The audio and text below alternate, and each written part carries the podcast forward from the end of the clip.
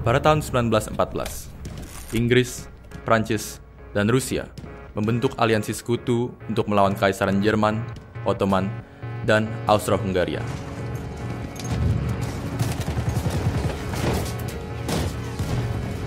Perang ini berakhir pada tahun 1919 dengan kemenangan Blok Sekutu dan ditandatanganinya Perjanjian Versailles. Untuk sementara, terdapat optimisme bahwa kekalahan Jerman dan sekutunya akan mengakhiri segala perang. The war to end all wars. Instead of healing old wounds, the Treaty of Versailles only succeeded in creating a new discontent. Tidak perlu menunggu lama sebelum harapan tersebut kandas. Penderitaan rakyat Jerman karena persyaratan yang dipaksakan oleh pihak sekutu justru menjadi batu pijakan Hitler dan partai Nazi untuk mengambil kekuasaan dan memicu peperangan kembali. Akan tetapi, Nazi Jerman dan Perang Dunia Kedua bukanlah satu-satunya konsekuensi dari Perang Dunia Pertama. Tanpa banyak diketahui, dampak dari Perang Dunia Pertama juga mendorong terbentuknya sebuah bangsa, jauh di Asia. Bangsa yang kemudian harinya menjadi sumber inspirasi bagi beberapa negara, hingga ketakutan bagi negara adidaya kini. Bangsa tersebut adalah Cina. Perang Dunia Pertama lah yang mendorong terbentuknya Republik Rakyat Cina sebagai negara yang kita ketahui sekarang ini. Dengan demikian, Perang Dunia Pertama juga berkontribusi terhadap terjadinya Perang Dingin di Asia. Akan tetapi, bagaimanakah Cina dapat terlibat pada perang yang terjadi di Eropa tersebut? Dalam video kali ini, kita akan membahas peran dari Republik Cina di Perang Dunia Pertama – dan bagaimana konflik tersebut membentuk identitas Cina dan hubungannya dengan dunia Barat.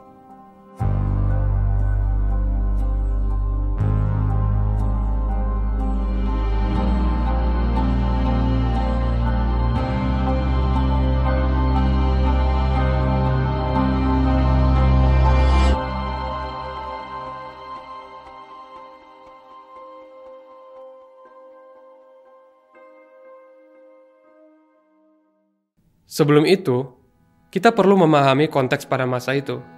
Selama ribuan tahun, Cina dikuasai oleh sistem politik dinasti yang dilegitimasi oleh mandat dari surga. Cina memiliki sumber daya alam yang melimpah, produk yang dicari bangsa-bangsa lain, serta kondisi sosial yang relatif stabil. Tanpa disadari, situasi yang nyaman ini membuat kekaisaran Qing menjadi lengah terhadap ancaman dari luar. Perang Opium Pertama dan Kedua Perang melawan Jepang. Kekaisaran Qing mengalami kekalahan demi kekalahan. Setelah dikalahkan, Cina juga didorong untuk menandatangani perjanjian yang dipaksakan negara-negara tersebut, yang menghasilkan berbagai konsesi asing.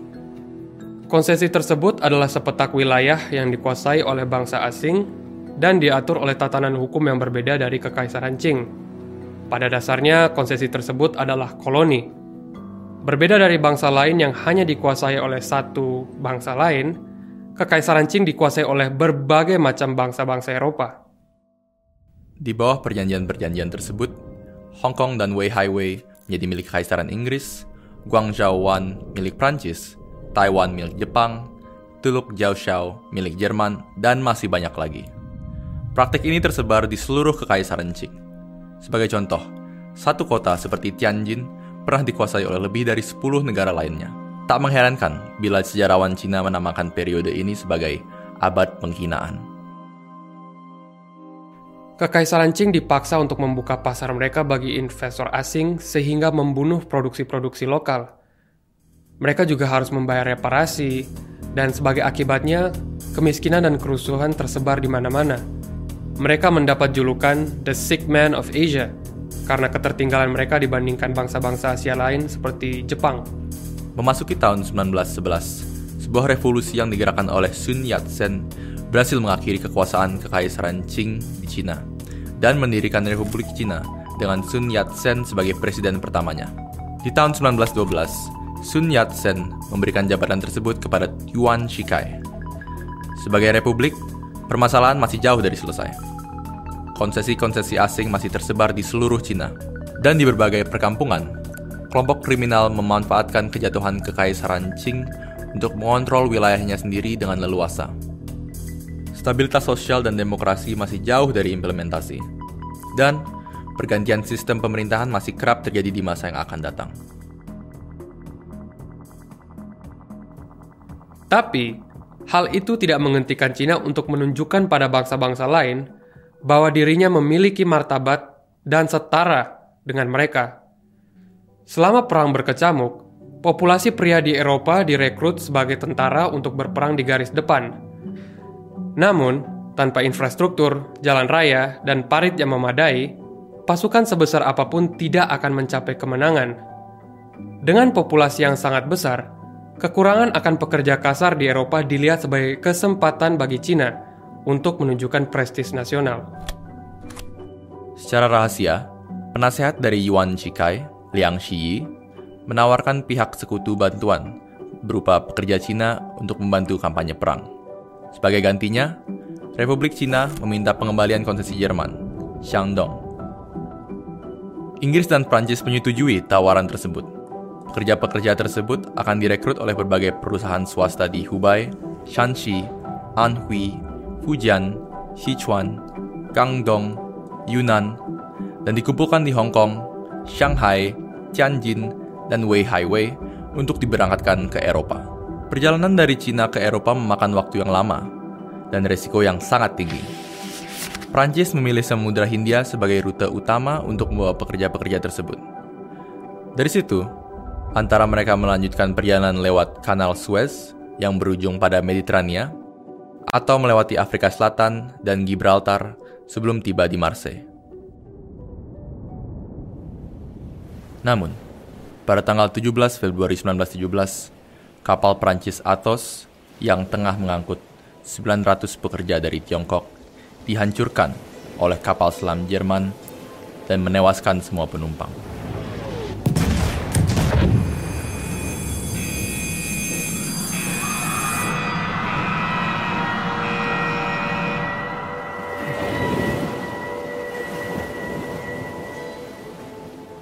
Untuk menghindari hal serupa, Inggris memilih rute Samudra Pasifik untuk mengangkut pekerja tersebut. Dari situ, mereka akan merapat ke kota Vancouver, Kanada, dan melanjutkan perjalanan darat menggunakan kereta ke Halifax, sebelum naik ke kapal lagi untuk menuju ke Prancis. Sebelum sampai di tujuan mereka, sekitar 3.000 orang meninggal selama perjalanan. Total, sekitar 140.000 pekerja Cina berhasil tiba di Prancis untuk memulai pekerjaan mereka. Mereka diberitahu bahwa mereka tidak akan bekerja di medan perang. Tapi, selain bekerja di pabrik, pelabuhan, dan jalanan, mereka juga dipekerjakan hingga garis depan pertempuran.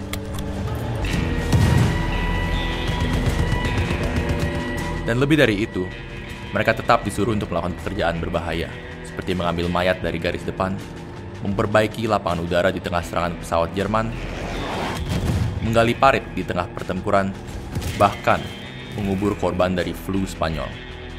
Akibatnya, lebih dari 2.000 pekerja yang kehilangan nyawanya karena terjangkit flu Spanyol, dan lebih dari 10.000 pekerja harus meregang nyawa. Kontribusi Cina membuahkan hasil.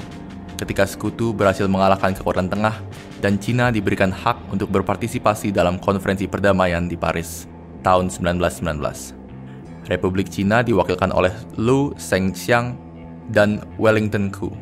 Mereka meninggalkan Beijing dan menuju ke Paris dengan harapan dapat menuntut pengembalian wilayah yang awalnya dikuasai oleh bangsa asing khususnya Shandong, yang merupakan tempat kelahiran Confucius. Dan tuntutan yang sangat didambakan itu diabaikan. Koloni Jerman di Cina justru diberikan kepada Jepang. Bahkan hampir tidak ada konsesi yang dikembalikan kepada Cina. Lebih parahnya lagi, kontribusi dari pekerja-pekerja tersebut diabaikan, bahkan tidak diakui.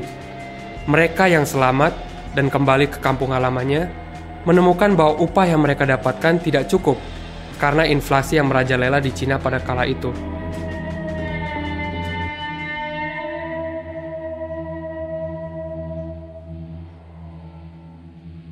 Pada akhirnya, Cina tertinggal dengan rasa dikhianati, dihina, dan diremehkan oleh negara barat. Kecewaan ini membangkitkan rasa nasionalisme yang berujung pada berbagai demonstrasi yang disebut sebagai gerakan 4 Mei. Bagi Cina, mempercayai dunia barat tanpa memiliki kekuatan militer dan politik yang memadai sangatlah berbahaya. Sebagai akibat, bentuk sistem demokrasi dianggap sebagai hal yang rendah. Eropa dan sekutunya adalah pengkhianat yang tidak dapat dipercayai, licik, dan selalu berniat buruk. Hanya satu negara Eropa yang mendapat kesan positif bagi Cina, Uni Soviet. Lenin's brilliant prophecy came true. The front of imperialism was first broken through in Russia. The revolutionary fire of the masses was finally unleashed. Di Uni Soviet, revolusi Bolshevik baru saja menggulingkan Tsar Romanov dan menggantikannya dengan Partai Komunis di bawah Vladimir Lenin. Di tahun 1920, diplomat Soviet Lev Karakan menawarkan untuk mengembalikan konsesi yang sebelumnya dimiliki oleh Rusia ke pemerintahan Cina tanpa mengharapkan kompensasi apa pun. Tawaran ini diterima baik oleh pihak Cina dan diresmikan dengan manifesto Karakan di tahun 1924.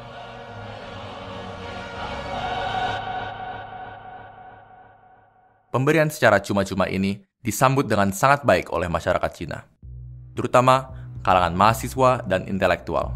Dan akibatnya, filsafat Marxisme dan ideologi komunisme yang dianut oleh Uni Soviet menjadi sangat terkenal di Cina.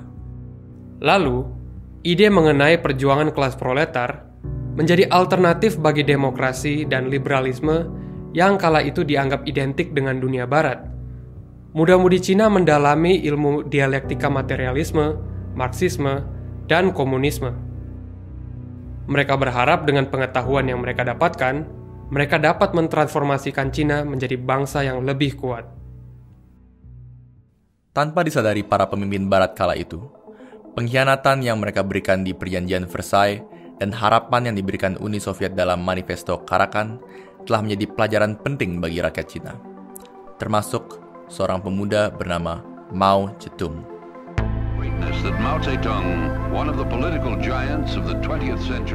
Dalam beberapa tahun setelah RRC didirikan, komunisme Uni Soviet terlibat dalam persaingan supremasi ideologi melawan liberalisme Amerika dan Eropa Barat. It is clear that the forces of communism are not to be underestimated in Cuba or anywhere else in the world. Знает, чью он политику проводил. Kali ini, RRC kembali menawarkan kontribusinya sebagai sekutu Uni Soviet dan sebagai negara komunis terbesar di Asia, setidaknya untuk beberapa waktu.